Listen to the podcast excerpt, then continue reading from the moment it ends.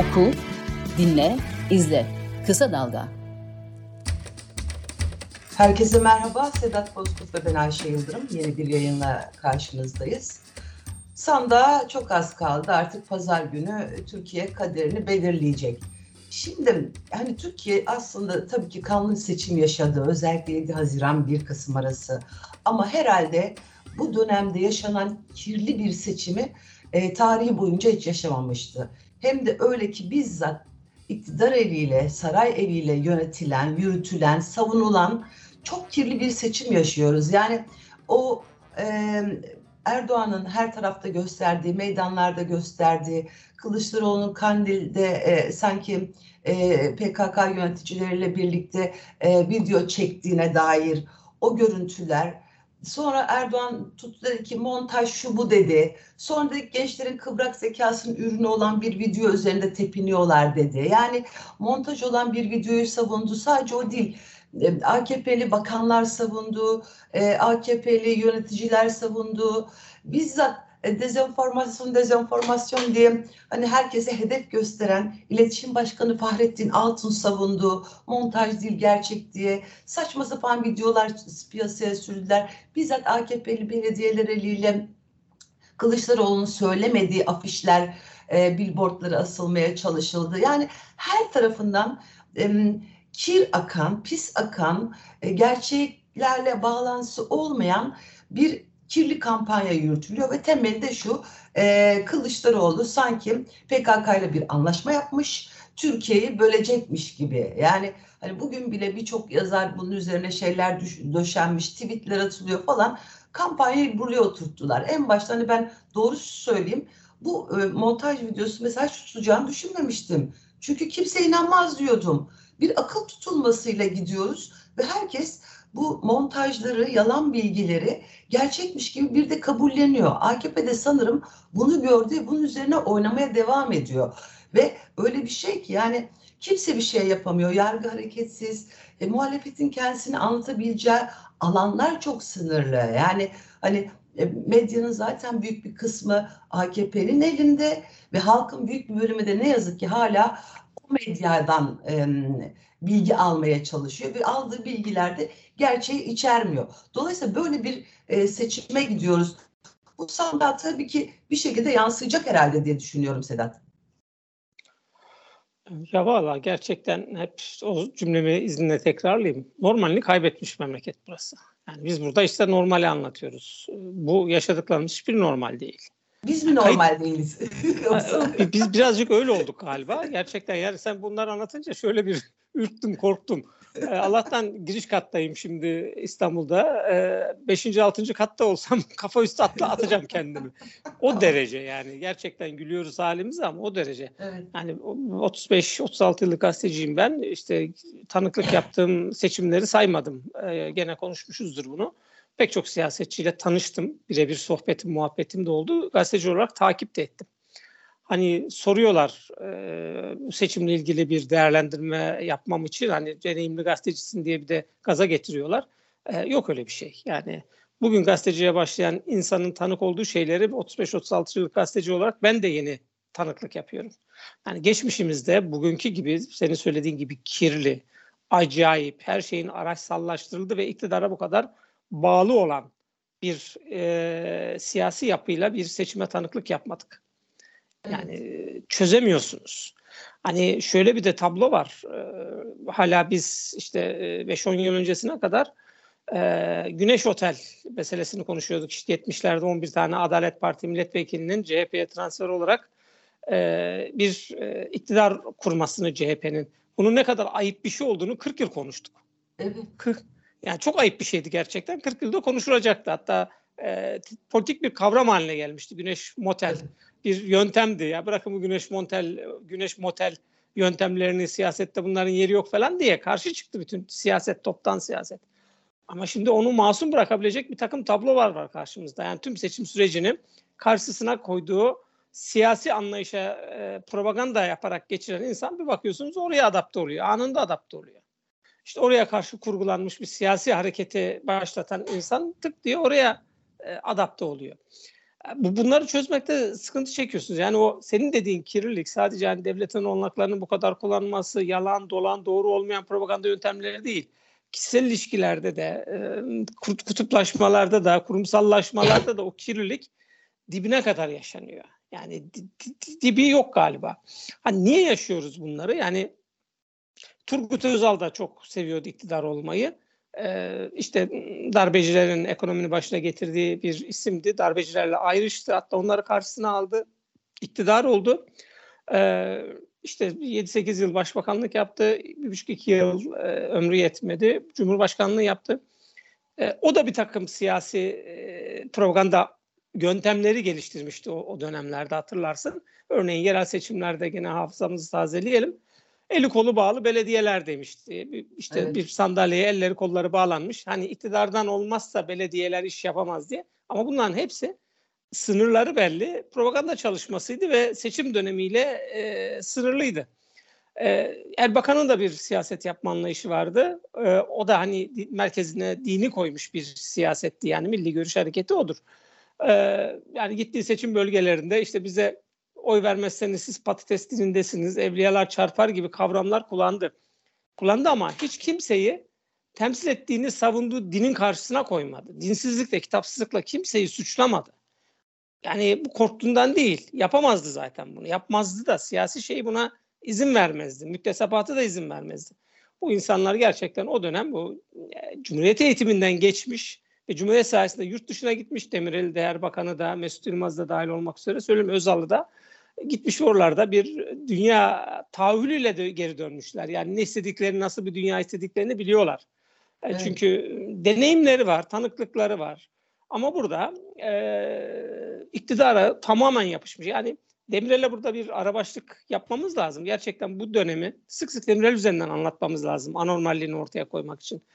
Demirel de siyasetçiydi. Siyasetçi olup da iktidarı sevmeyen, iktidarı bırakmak istemeyen kimse yoktur. Dünyada hani batıda örneklerini görüyoruz bunun. İşte Merkel bir tane örneğin yakın örneklerden bir tanesi. Çantasını aldı. Hadi bana bu kadar dedi ki başarılı bir siyasi figür olmasına rağmen. Yani e, gerçekten e, popülizme de kaçmadan göçmen meselesini ortaya koyduğu tavır şahanedir Merkel'in. Ee, yani bir, bir e, göçmen meselesinde muhatap olduğu eleştirilerin Türkiye'de bir siyasetçinin muhatap olması halinde neler yapabileceğini bir düşündüğünüz zaman gerçekten bir şeye tekabül ediyor. Ee, bir kaliteye teka, tekabül ediyor. Öyle demek lazım. Yani politik olarak eleştirilebilecek e, noktada kendini muhafaza etmesi bir siyasetçi açısından şahane bir şey. E şimdi Süleyman Demirel bir darbeyle bir muhtırayla gitti. 6 kere gitti ama demokrasi işledi, çarkları işledi, seçim sandığı insanların önüne kondu, insanlar özgür iradelilere oy kullandılar ve Demirel'i 7 kez başbakan koltuğuna oturttular. Bir kez de evet. Cumhurbaşkanı koltuğuna oturdu Demirel. Yani siyaset bunlara açık. E, şimdi iktidar e, bir Demirel e, kopyasını bile çok görüyor bu seçmene. İlla ben kalacağım. Ya 21 yıldır kaldınız arkadaş. İşte geldiği yer burası ülkenin. Yani mükemmel, şahane. Kimse zaten mutlu, huzurlu, çok keyifli olduğu için oy vermiyor Cumhur İttifakı bileşenlerine. Cumhur İttifakı'nın kavramlaştırdığı ve kendi siyasetine malzeme yaptığı kaygılarla, korkularla veriyor. Başka bir şey yok. Yani şahane bir hayatımız var deyip de e, Erdoğan'a oy veren kimse yok. Şahane hayatı olup da Erdoğan'a oy verenler e, işte gurbetçiler. Çoğunluğu Almanya'da, bir kısmı Fransa'da, bir kısmı Hollanda'da. Ee, o da bir başka tartışma meselesi zaten. Yani oradaki rahatlarını sağlayan partilerdeki yani tercihleri başka sol partiler Tabii. burada burada işte bir böyle kendilerini tatmin.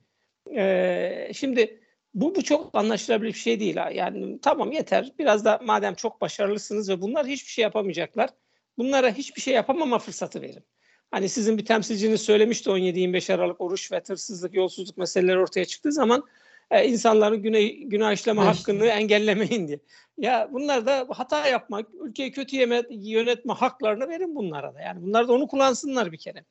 E, yok ama yani iktidardan alma gibi niyetleri yok ama dehşet yani e, kutuplaştırarak siz kendi kitlenizi kontrol ediyorsunuz ama toplumsal yapıda çok e, derin yarıklar açıyor bu.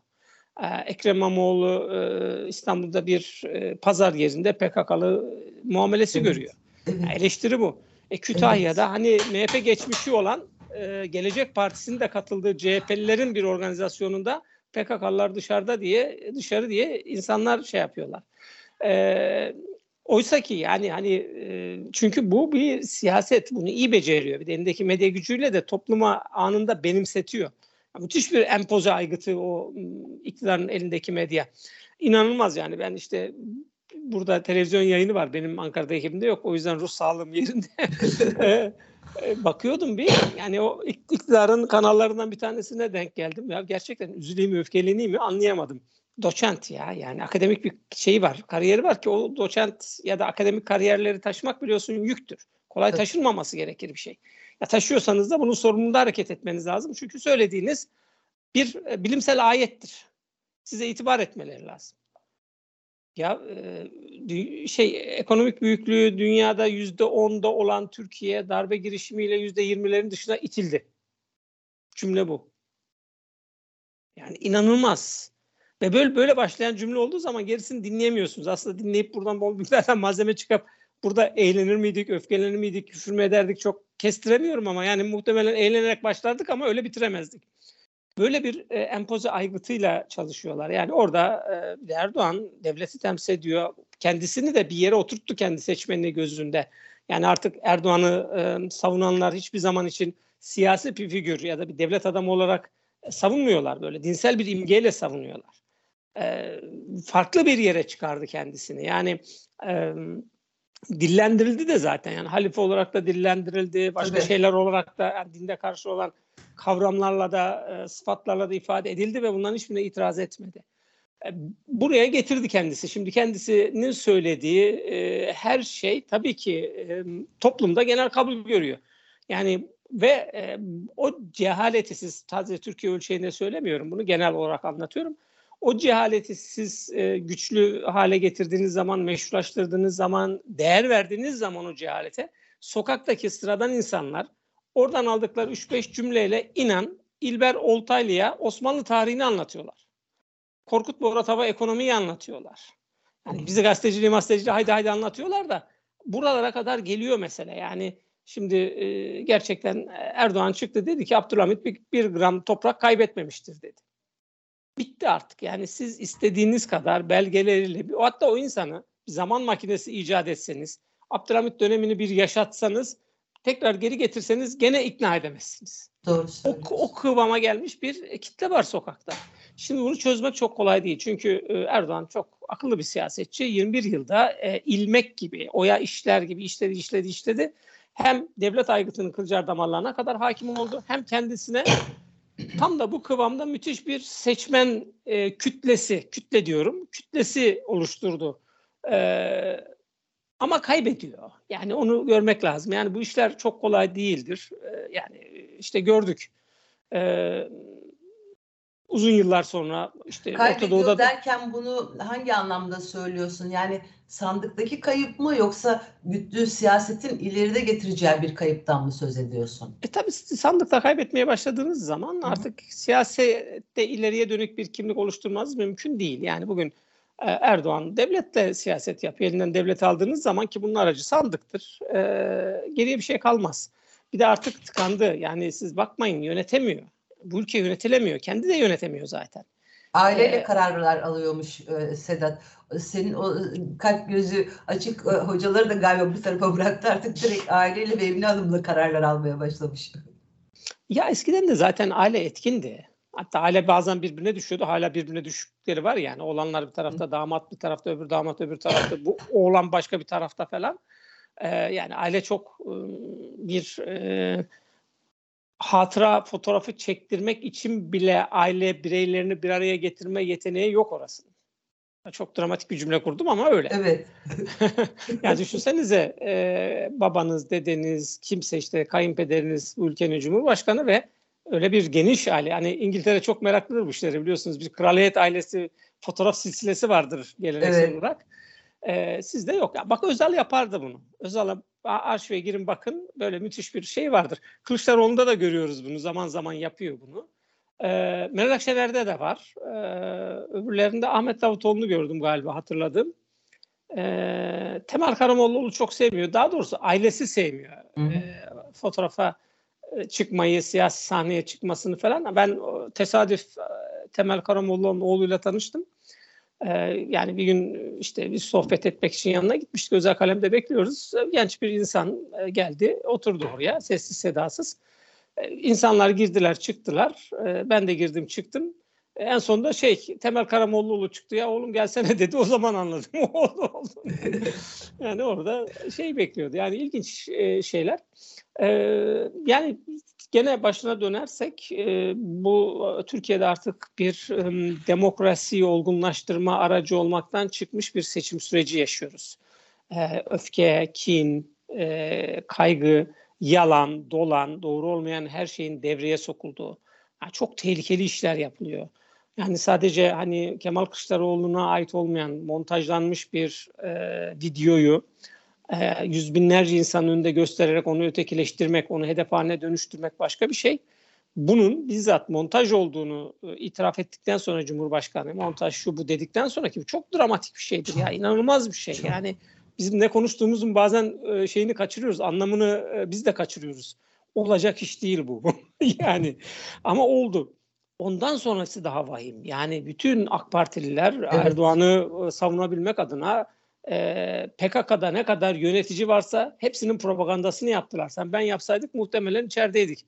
Kitap yazıyorduk, roman evet, yazıyorduk. Gördüğüm anda yani hakikaten biz biz en ufak bir şey yazsak, bir açıklamayı yazsak zaten direkt dava açılıyordu. Yani bildiğin propagandaya giriyor bu. Ama devlet eliyle yapıldı yani. Ya bunu haber yapan arkadaşlarımız var içeride şimdi PKK'nın propagandasını yapmaktan ki orada da bir hukuksuzluğu, haksızlığa tanıklık yapıp bunu haberleştirdikleri için ne bizzat haber yani haber olduğu için. Evet. İnsanlar içerideler. E siz bu insanların açıklamalarını görünür hale getiriyorsunuz ya. Bir anda kara yılan e, Cemil Bayık Türkiye'nin en itibarlı insanlar haline geldi bizzat iktidar tarafından. Ya birinin bunlara bir dur demesi lazım ya arkadaş. Dur bir dakika. Yani sen bu PKK'yı terör örgütü olarak nitelendiriyorsun. Dünya da öyle nitelendiriyor. Bunun liderini benim önüme niye çıkarıyorsun? Bana niye görünür hale getiriyorsun? Onun açıklamalarını bana niye dinletiyorsun? Yani bu, bu, bu, bu, bu, bu aklı, akla, hayale sığacak bir şey değil ama e, sadece bununla sınırlı değil. Ya bak gene ıskalıyoruz her şeyi. Ülkenin bir anayasası var değil mi? Evet. Evet, Öyle o kadar. tahmin ediyorum. o kadar ihtiyaç halinde var. Ee, can, ihtiyaç halinde camı kırmızı butonları vardır ya işte onun gibi bir şey. Ya Cumhurbaşkanının adaylığı anayasaya aykırı. Tabii. Bir. İki bakanların milletvekilli adaylığı anayasaya aykırı. Şimdi bakan olup da milletvekili seçilmiş olmaları anayasaya bir daha aykırı. Daha dramatik bir şey söyleyeyim sana. Biraz saçını başını yol lütfen. Uymadıkları anayasa değişikliğini bizzat kendileri yaptılar. Yani Cumhurbaşkanının iki kere seçileceğini, üçüncü kez seçilme koşullarını meclisin erken seçim kararına almasını bağlayan düzenlemeleri AK Parti yaptı. Bakanların milletvekili olamayacağını sıradan bürokrat haline getiren anayasadaki düzenlemeyi yapan AK Parti ile MHP. Evet. Uymayan kim? AK Parti ile MHP. E şimdi ne yapıyor? Gene önümüze çıkıyorlar bir anayasa yapacağız. E niye yapıyorsunuz ki? Yani niye yapıyorsunuz anayasa? Yaptıklarınız duruyor ve bunlar çok temel şeyler. Ya bu, bu nereye kadar varır iş? Hani yazılı metinlere, kurallara, bu kurallar çünkü anayasa metni bir arada yaşama e, mutabakatıdır. Bunun yazılı hale alınmış, akit edilmiş şeklidir. E, kuralların hiçbirine ben uymayacağım dediğiniz zaman sizi kırmızı ışıkta kimse durduramaz. Oraya kadar varır iş. Ne, ne engelleyebilir? Sizi ne engelleyebilir? Yani kırmızıda geçmenin cezası şu kadar. E, anayasaya göre de bakan milletvekili olamıyor. Anayasaya göre de e, Cumhurbaşkanı üç kez şey olamıyor. E, işte kendi kendilerine göre oluşturdukları bir YSK'da böyle bütün hukukçuların, daha doğrusu hukuk fakülteleri birinci sınıf öğrencilerinin bile ders olarak anlattığınız zaman kavramakta sıkıntı çekecekleri gerekçelerle önünü açtılar. E şimdi böyle bir döneme gidiyoruz. Bu dönem bize şunu gösteriyor. Yani iktidara mutlak bağlı bir siyasi yapı var karşınızda. İktidarı kaybetmemek için yapamayacağı şeyler yok. Yap, yap, yapacağı demiyorum, yapamayacağı şeyler yok. O yüzden yani öyle toplumsal yapı, toplumsal yapıda bir yarılma yaratacağız. insanlar arasına böyle bir nifak sokacağız. Hiç mesele değil. E, çünkü e, çözüm sürecinde de nasıl araçsallaştırılmıştı o dönem. E, ben çok iyi hatırlıyorum o dönem itirazlarımı da kayıt altına almıştım. E, neydi bizim ana sloganımız? Analar ağlamasın. Hiçbir ana ağlamayacak. Bunu çözeceğiz, bunu yapacağız falan. Ne güzel değil mi? Hoş. Tabii. E ne olduk abi? Üç ay sonra Şehitler Tepesi boş kalmasın. Şehitler Tepesi'nin boş kalmaması ne demek? Anaların ağlaması demek. E biz oradan buraya ne zaman geldik? Nasıl geldik? Oradan buraya gelinebiliyor mu daha doğrusu? Geldik mi? Geldik. Çünkü niye? İktidar olmamız gerekiyor. İktidar olmak için ne gerekiyorsa yap, yapılır. Yani e, geçen Hıdır'la yaptığımız sohbette de söylemiştim bunu. E, Goebbels ve Machiavelli bugün yaşasaydılar, bugün Türkiye'de siyasi iktidarın AK Parti'nin Erdoğan'ın siyasetini şöyle bir izleseydiler çok hayıflanırlardı. Yani teoride bile biz bu kadarını yapamazdık derlerdi yani teoride bile. pratiğe bakıp da yani bugünkü pratiğe bakıp da biz teoride bu kadarını hem Machiavelli için söylüyorum hem Goebbels için söylüyorum. E, Göbels'in biraz daha pratiği var aslında ama gene buralara ulaşamaz muhtemelen. Çünkü o zaman kitle iletişim araçları falan da sınırlı. Yani böyle bir dönem yaşıyoruz. Ve bu insanı ürkütüyor mu? Ürkütüyor. Korkutuyor mu? Korkutuyor. Ee, yani e, hani şöyle bir anlaşma yapmaya ben razıyım. E, bütün siyasi partiler otursalar bir köşeye Erdoğan'a deseler ki arkadaş tamam sen Cumhurbaşkanı ol ama şu anayasayı uygula, şu yasaları uygula. İşte AB sürecine devam et akıl uslu bir memleket yönet. Ekonomide bir bilim sonuçta matematikte ifade edilen bir sosyal bilim. Ona da uygun davran. O ölene kadar Cumhurbaşkanı ol deseler herhalde bunu onaylayacağız biz.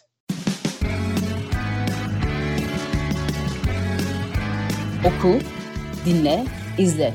Kısa Dalga.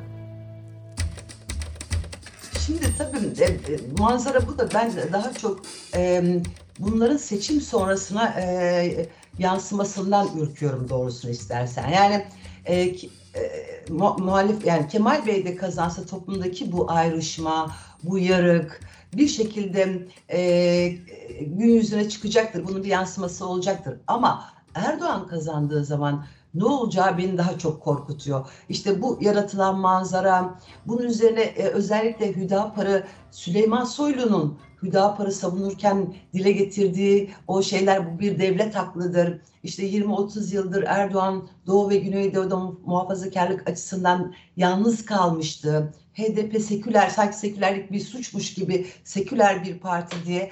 Dolayısıyla devlet haklı diye onu savunması, oraya bilinçli olarak getirilmesi, e, yani bölgeden HDP'yi hani temizlemeye çalışacakları ne yapılacağını aşağı yukarı tahmin edebiliyoruz. Çünkü geçmişte yaşadığımız deneyimlerden dolayı. Dolayısıyla bu beni çok korkutuyor. Bir ikincisi e, tabii e, Erdoğan seçimi kazanırsa ki büyük bir gölgeyle kazanacağını zaten sonra çok konuşacağız ama ee, mesela işte İstanbul Büyükşehir, Büyükşehir Belediye Başkanı söyledi İmamoğlu 28'inden sonra başımıza ne geleceğini bilmiyoruz. Yani e, Ankara'ya, İzmir'e, İstanbul'a ne yapabileceğini ki daha seçim öncesinde zaten İmamoğlu'nun tepesinde demokrasinin kılıcı gibi bir e, yargı e, mahkeme şeyini sallandırıyorlardı. Dolayısıyla ben e, seçimden sonra bugün yaratılan, yaşatılan şeylerin yansımaların çok daha korkunç olacağını düşünüyorum ki ekonomik felaket de bunun üstünde bir de var. Hani bir, bir ateş topundan bir ülke e, önümüze çıkabilir diye korkum benim daha çok. Ee, çok doğru.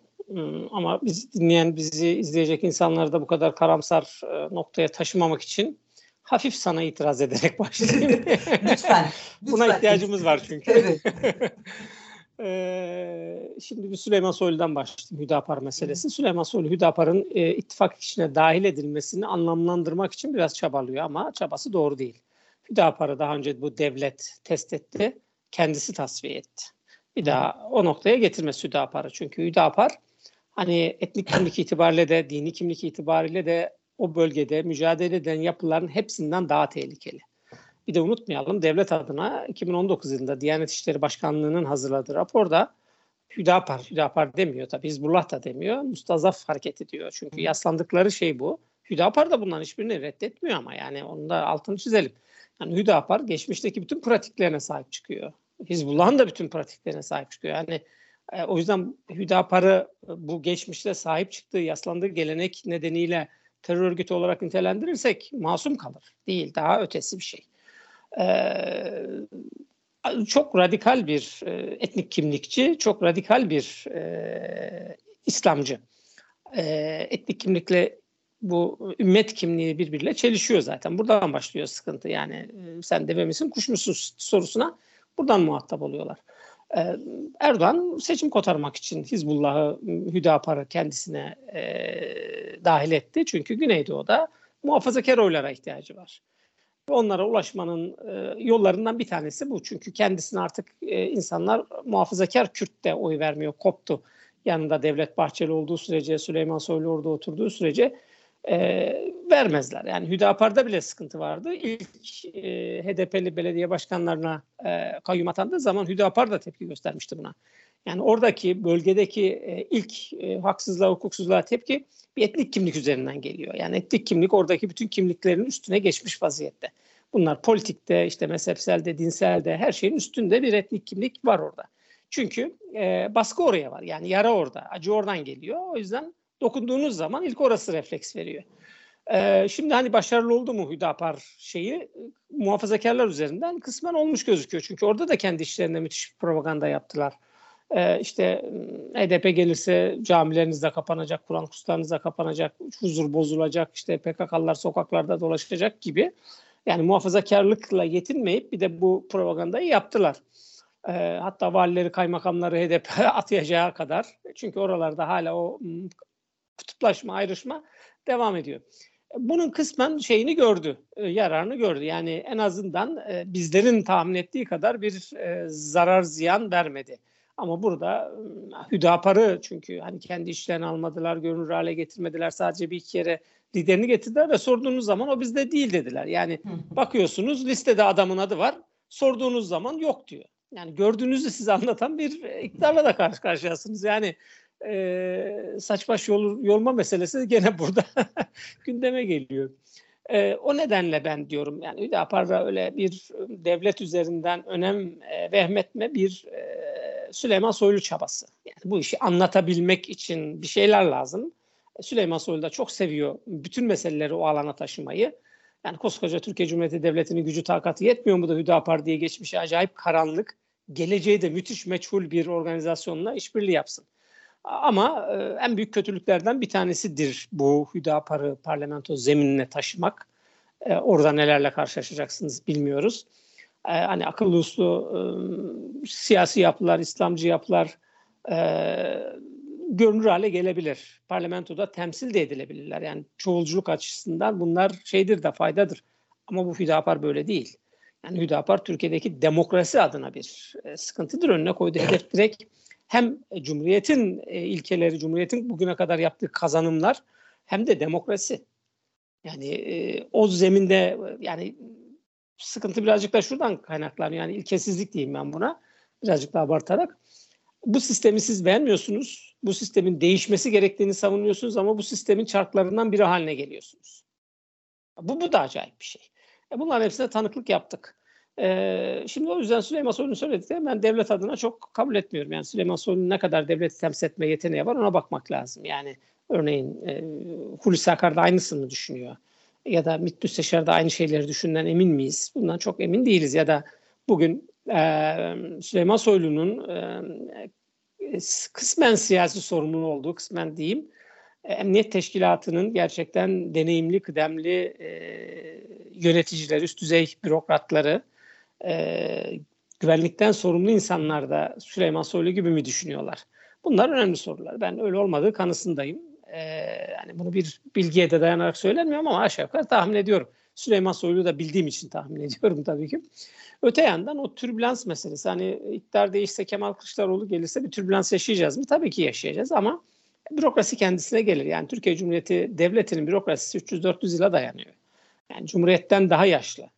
Yani 100 yıllık bir cumhuriyetimiz genç olabilir ama bürokrasimiz, e, yargımız çok daha e, geçmişe dayanan gelenekleri var. Ordunuzun, polis teşkilatınızın e, liyakatlı 5-10 atamayla bir de iyi bir bakan atamalarıyla e, yani bir ay iki ay içinde bürokrasi kendisine bir e, kurgular. Çok rahat bir şekilde e, normale döner.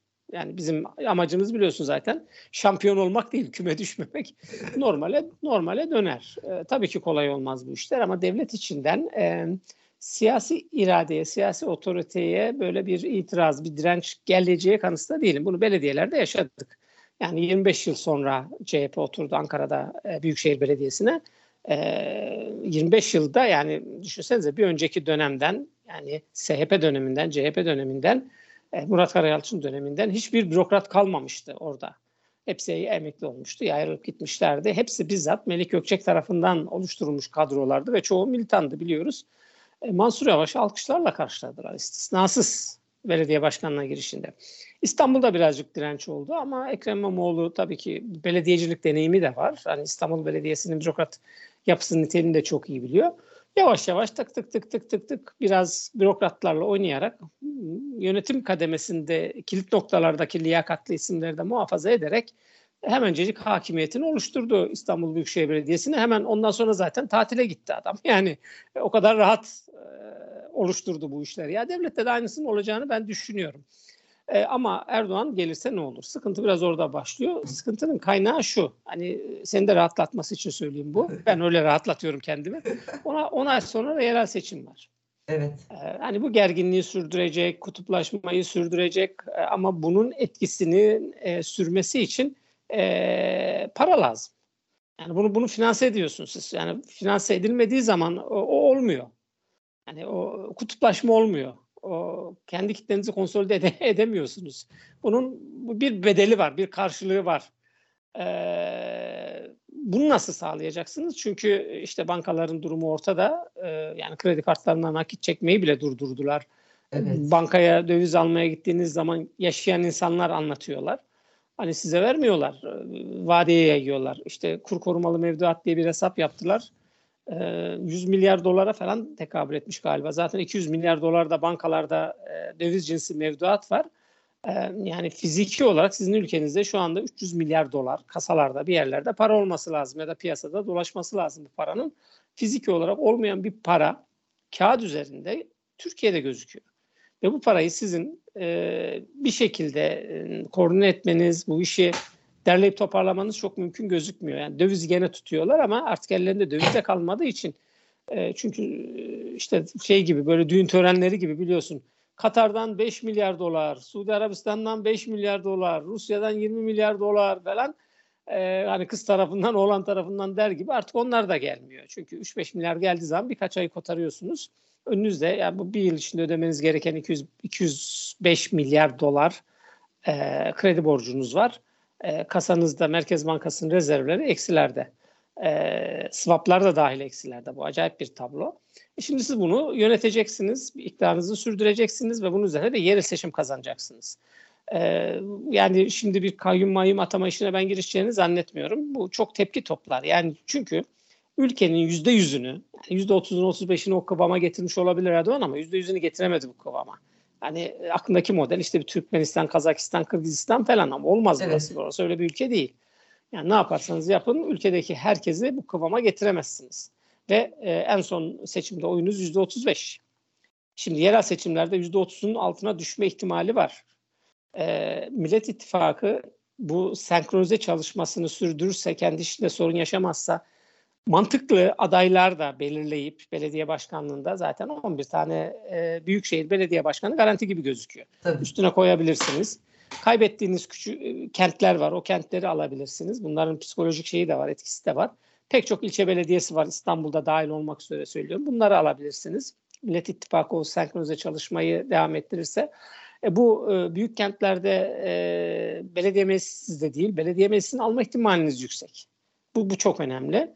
Ee, bunların hepsini yaptığınız zaman %30'un altına düşen bir AK Parti Erdoğan için yönetmesi de zordur. Oradaki insanlar için de artık bir demoralizedir. Çünkü bu seçime girerken de anket sonuçları bir yılgınlık yaratmıştı AK Parti'de ve tamam biz gidiyoruz şeyine kabullenmeye başlamışlardı. Ha, araya neler girdi çok çözemiyoruz yani 4 puanlık fark sadece bizi değil onları da şaşırttı. Ee, o nedenle hani seçime kadar dönemi e, olabildiğince yönetmek isteyecektir Erdoğan. E, firesiz yönetmek isteyecektir. Hata yapmadan yönetmek isteyecektir ama e, çok kolay olmadığını görüyoruz. Bir de yani yerel seçimlerde e, seçmen iktidar partisinden çok haz etmiyor, hoşlanmıyor. Onu uyarma yeteneği var. E, yerel seçimden sonra e, uzun süre gitmez bu iş öyle gözüküyor hani parlamentoda erken seçim kararı alacak e, iki tarafında çoğunluğu yok. Anlaşmaları gerekiyor ama YSK'nın son verdiği kararla Erdoğan'ın parlamentonun erken seçim kararı alması durumunda aday olmasının önünü açtı. Evet. E, çünkü bunu ikinci kez sayıyor. İkinci kez yeni sisteme göre e, aday olduğunu varsayıyor. Yani seçilirse ikinci kez Cumhurbaşkanı olmuş olacak ama e, baktığınız zaman pratiğe üçüncü kez Cumhurbaşkanı seçilmiş. Ama YSK'ya göre işte e, hukuk profesörü olduğunu bildiğimiz çünkü öyle e, Mustafa Şentop'a göre Türkiye Büyük Millet Meclisi Başkanı ikinci kez e, seçilirse oturacak o koltuğa. Böylece üçüncü kez seçilmesinin önünde açılmış olacak. Yani burada bir pazarlıkla çok rahat bir şekilde bir erken seçim kararı alınabilir. Erken seçim kararı alınırsa ne olur? Çünkü hani yürütmedeki güçlü Erdoğan, parlamentodaki güçlü Erdoğan bir erken seçim kararı niye alsın? Erdoğan bu. Hiç belli olmaz. Çünkü bu ülkeyi de yönetmek çok kolay değil. Uluslararası ilişki açısından bir seçim ihtiyaç olabilir. Bazen o nedenle de seçimlerin yapılmış olduğu var Türkiye'de. Çünkü ülkede para gelmeyecek. Hani senin dediğin gibi o baskıları şunu bunu çok arttırırsa sağlıklı paranın geleceği yerlerle bütün irtibatınız kesilir. Tabii. Ve bugün kredi risk primi dedikleri yani ülkenin borçlanma faiz oranının belirlendiği oran e, çok yüksek. Yani e, savaştaki Ukrayna'dan, Suriye'den, Rusya'dan çok çok daha fazla. Yani onlar işte 2 ile 3'te e, borçlanıyorlarsa siz onları falan buldunuz. %10 döviz cinsi %10. Çok maliyetli borçlanmadır bunlar. Bir de kısa vadede veriyorlar size uzun vadede de vermiyorlar.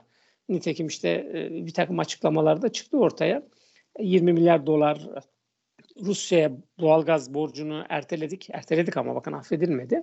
Yani bir şekilde vereceğiz onu yani. E, onun karşılığında BOTAŞ'ı bize satın e, önerisi gelmiş. E, yapar mıyız? İtinayla yaparız. Yeter ki iktidarda kalalım. Mesele değil. Yani ne varsa e, satılır. satılır. İtinayla satılır yani. Şimdi süremizin sonuna gel. Aslında bayağı da açtık. Konuşacak çok şey var tabii ama daha Sinan Sinan Oğan, Ümit Özdağ meselelerini falan da konuşamadık ama belki e, seçim sonrası daha doğru, daha iyi analiz Tabii. yapmamıza da imkan verecektir. Haftaya bunlara devam edelim. Yani önümüzdeki o yerel seçimleri. Ben de çünkü bir ne olursa olsun bir erken seçim bekliyorum hakikaten. Kim kazanırsa kazansın. iki yıl sonra bir e, sandık önümüzde olacak. Şu Belki pazara... şöyle bir şey olur. Sözünü kestim. Tabii, Kusura bakma. Parlament, parlamenter sisteme geçip de bir erken seçime gidebiliriz. Yani. Haftaya konuşalım bunlara. Teşekkür ediyorum. Evet, ben teşekkür ediyorum. Hoşçakal. Hoşçakalın.